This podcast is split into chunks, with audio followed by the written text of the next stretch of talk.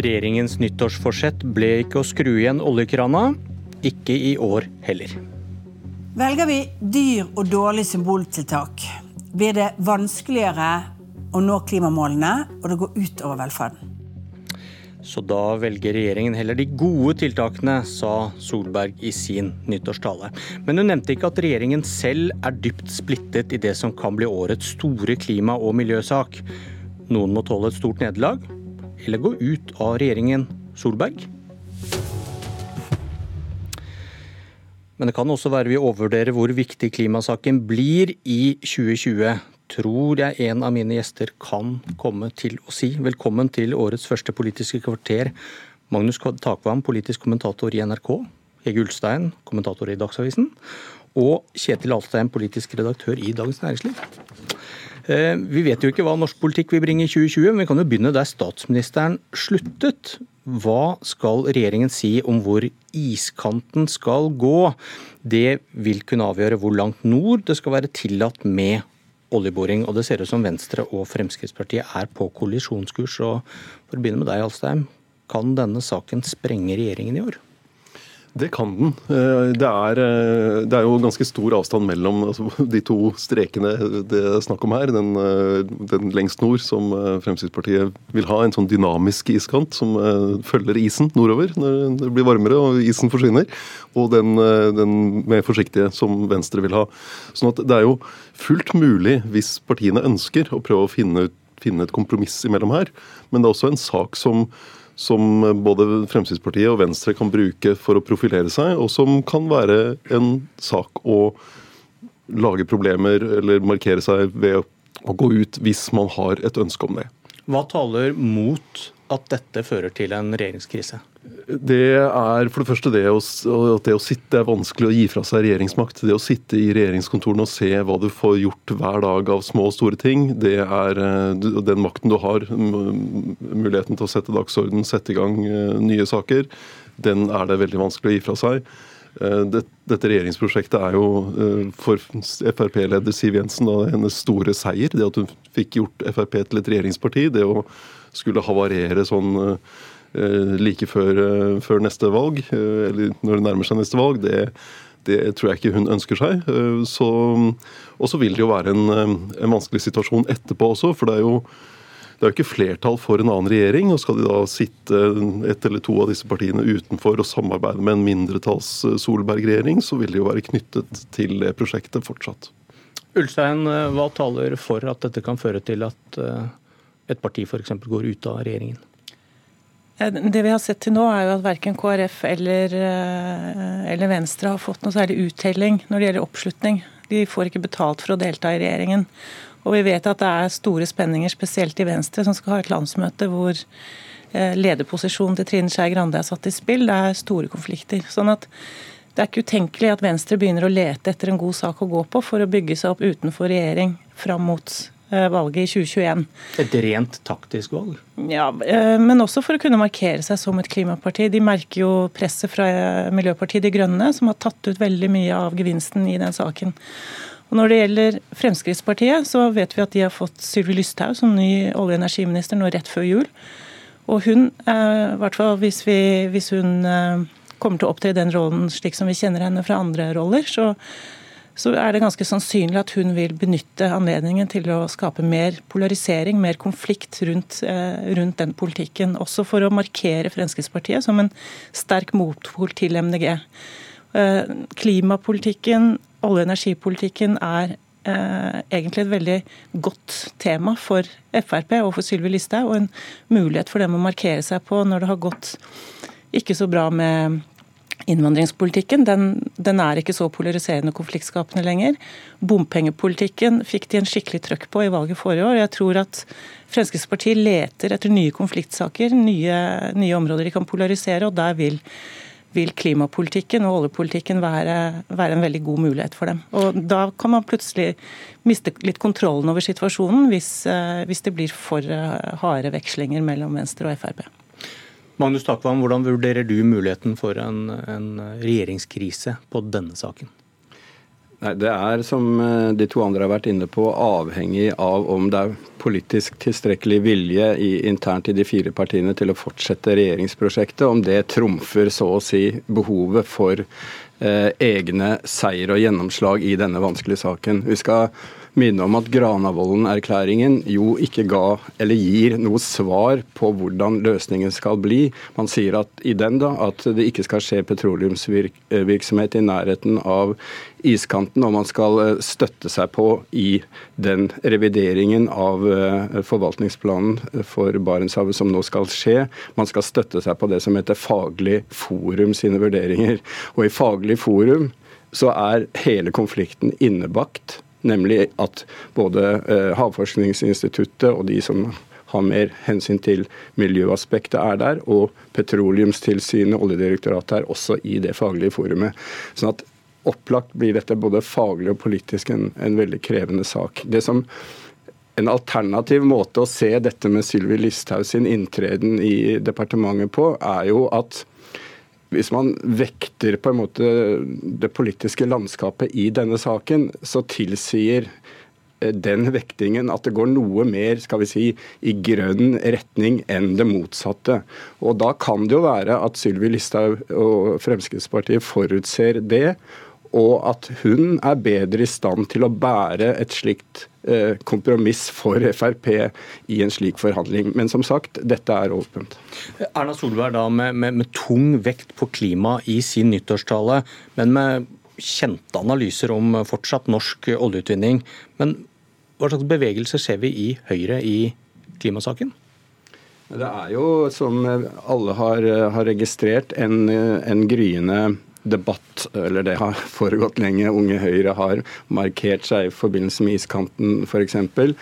Eh, og eh, Høyre og Erna Solbergs budskap i går var et eksempel på det. Hun, hun trekker fram klima som en, på en måte eh, bærebjelke i hele talen sin. Men da en klimapolitikk, en miljøpolitikk, som kan få folket med seg, som kan samle og ikke polarisere. Jeg opplever at et par av de utspillene som er kommet i den uh, gaten i det siste, først fra Tina Bru f.eks., som gikk inn for en stor elektrifisering av norsk petroleumsvirksomhet framover, og også Erna Solbergs uh, forslag eller utredningsforslag om å elektrifisere en del konkrete felt, er et eksempel på tiltak for å møte denne eh, debatten i Høyre, men som samtidig ikke provoserer olje, oljenæringen. Det er den balansen også, også Høyre eh, er i. Men det er en, en, i Høyre en på en måte grasrotreaksjon eh, for mer grønn politikk. Eh, som jeg tror Høyre-ledelsen merker. Ok, Da har vi hørt at hvis Frp skal profilere seg på å være oljearbeiderens venn, eh, hvis det er bevegelser i Høyre hvem kommer Høyre til å støtte i en diskusjon om iskanten da? Venstre eller Frp? Eller kanskje Arbeiderpartiet. Det er vel den naturlige, naturlige samarbeidspartneren for Høyre i en sånn sak. I et viktig nasjonalt kompromiss om oljepolitikken er jo Arbeiderpartiet. Og det er, det er, Der har jo Jonas Gahr Støre vært veldig forsiktig med å sende noen som helst signaler om, om hva, hvor, hvor, på iskanten Arbeiderpartiet vil, vil posisjonere seg. Så, så, det er jo en, en, utfordring også på den siden.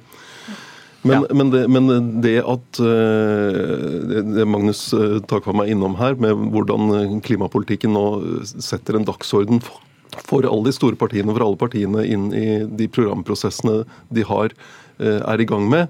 Eh, der får, du jo, eh, der får du både det som kommer av forskning, ny kunnskap om, om, det som skjer, og så har du et nytt rammeverk for klimapolitikken med Parisavtalen og med den koblingen mot EU, som gjør at vi, vi får dette årlige utslippsbudsjettet fra 2021. Sånn at det blir et mye mer konkret spørsmål. Klarer vi å og holde disse budsjettene, eller går vi over? Jeg har lyst til å høre med dere. Jeg hørte Erna Solberg i går også nevnte ungdommens klimaengasjement, klimabrølet. Eh, Klassekampen hadde en måling for noen dager siden hvor halvparten av nordmenn ville fortsette å lete etter olje. Og de mellom 18 og 22 år er mest positive til dette. Var ikke ungdommens klimabrøl, der en del av budskapet var 'la olja ligge', representativt? Kan denne målingen si noe om det? Altså, du kan jo se på den målingen eh, på to måter. Jeg tenker at det er også ganske oppsiktsvekkende at halvparten ikke vil lete etter mer olje. Og um, jeg, jeg, tror altså det, jeg, tror det, er vanskelig å overdrive viktigheten av det Kjetil nettopp sa. Altså, fra og med i år, vi er inne i et nytt tiår. Bare det psykologisk sett tror jeg gjør noe med hvordan folk forholder seg til, eh, til klimapolitikken. Og det at den nå blir helt konkret, det, det er nødt til å bli omsatt i, i direkte tiltak. Kan, det er ikke bare snakk lenger, et eller annet som skal et, skje etter 2020. Nå er vi i 2020. Det gjør at den, eh, den politikken får en helt annen eh, hva skal vi si, operasjonell funksjon som, som, man må ta stilling til på et konkret nivå på en helt annen måte enn man har gjort tidligere. Og Det tror jeg alle partiene er nødt til å ta inn over seg.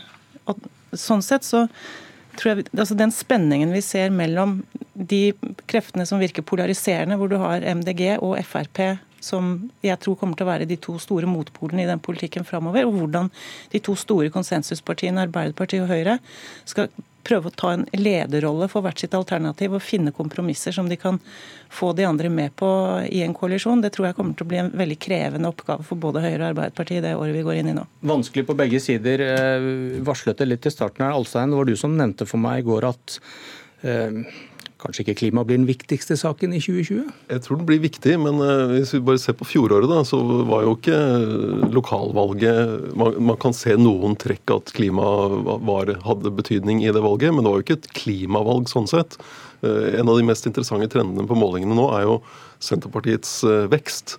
Og Senterpartiet, I den grad Senterpartiet har snakket om klima, så har det jo vært fordi Trygve Slagsvold Vedum har angrepet ulike former for klimapolitikk.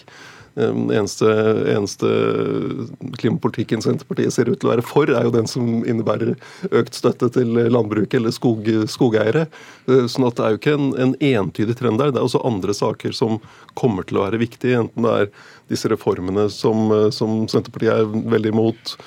Situasjonen for uh, politireformen blir, blir et viktig tema. Vi har eh, denne luftambulansesituasjonen i Nord-Norge. Eh, så, det kommer til å være andre ting også som, som blir viktig for velgerne. Ja, altså det er klart at Jeg tror de store partiene som vi er litt inne på, Høyre og Arbeiderpartiet, når det gjelder eh, temaer i valgkampen 2021, eh, ønsker seg en annen dagsorden enn en entydig miljødagsorden. Eh, Høyre vil ha mer debatt om økonomi, næringsliv osv. Eh, Arbeiderpartiet arbeidsliv, eh, tema sysselsetting. Sånn at det, det ligger bak noe av, av, av, analysene her. Så tror jeg også at valg, det er veldig vanskelig å peke på det, selvfølgelig er det et regjeringsvalg. altså? Det vil være etter to, to perioder med en borgerlig regjering et selvstendig trykk på eh, selve regjeringsspørsmålet og en mulig mobiliseringskraft som, som, som, som kan hentes fram fra sentrum-venstresiden der, som, kommer til å være overordnet. Og så tror jeg det vil være eh, også type fragmentert temamessig. ikke sant? Hele den debatten om energipolitikk, North Connect, eh, minne om ACER-debatten i en del store industrisamfunn som Arbeiderpartiet tapte på. Alt det kommer til å spille inn, tror jeg, distriktsdimensjonen eh, også. Og til slutt her så må vi nevne, der, der vel Om en uke så er det høring om Nav-skandalen, eh, der Norge har tolket EØS-reglene feil, og folk har blitt satt i fengsel som trygdesvindlere. Og Hvor mye politisk sprengkraft er det i den saken nå, Magnus? Det er selvfølgelig en, eh, det blir en kjempespennende uh, høringsrunde 9. og 10. januar. Uh, sånn som uh, regjeringssiden definerer det politiske sprengstoffet i den i øyeblikket, så tror jeg ikke de ser for seg at f.eks. det vil føre til en statsråds avgang osv. Til det mener de at både ansvaret når det gjelder de ulike regimene, er fordelt til det. Hele saken kunne hatt en annen løsning allerede i 2008, da hele dette spørsmålet om arbeidsavklaringspenger kom opp, og man etterspurte avklaringer om EU-retten, og også ulike institusjoner. Så, men spennende blir det. Da rekker dere andre bare å nikke eller riste på hodet, for eh, tiden, tiden er over. Dette var årets første Politisk kvarter. Jeg heter Bjørn Myklebust. Nå fortsetter Nyhetsmorgen.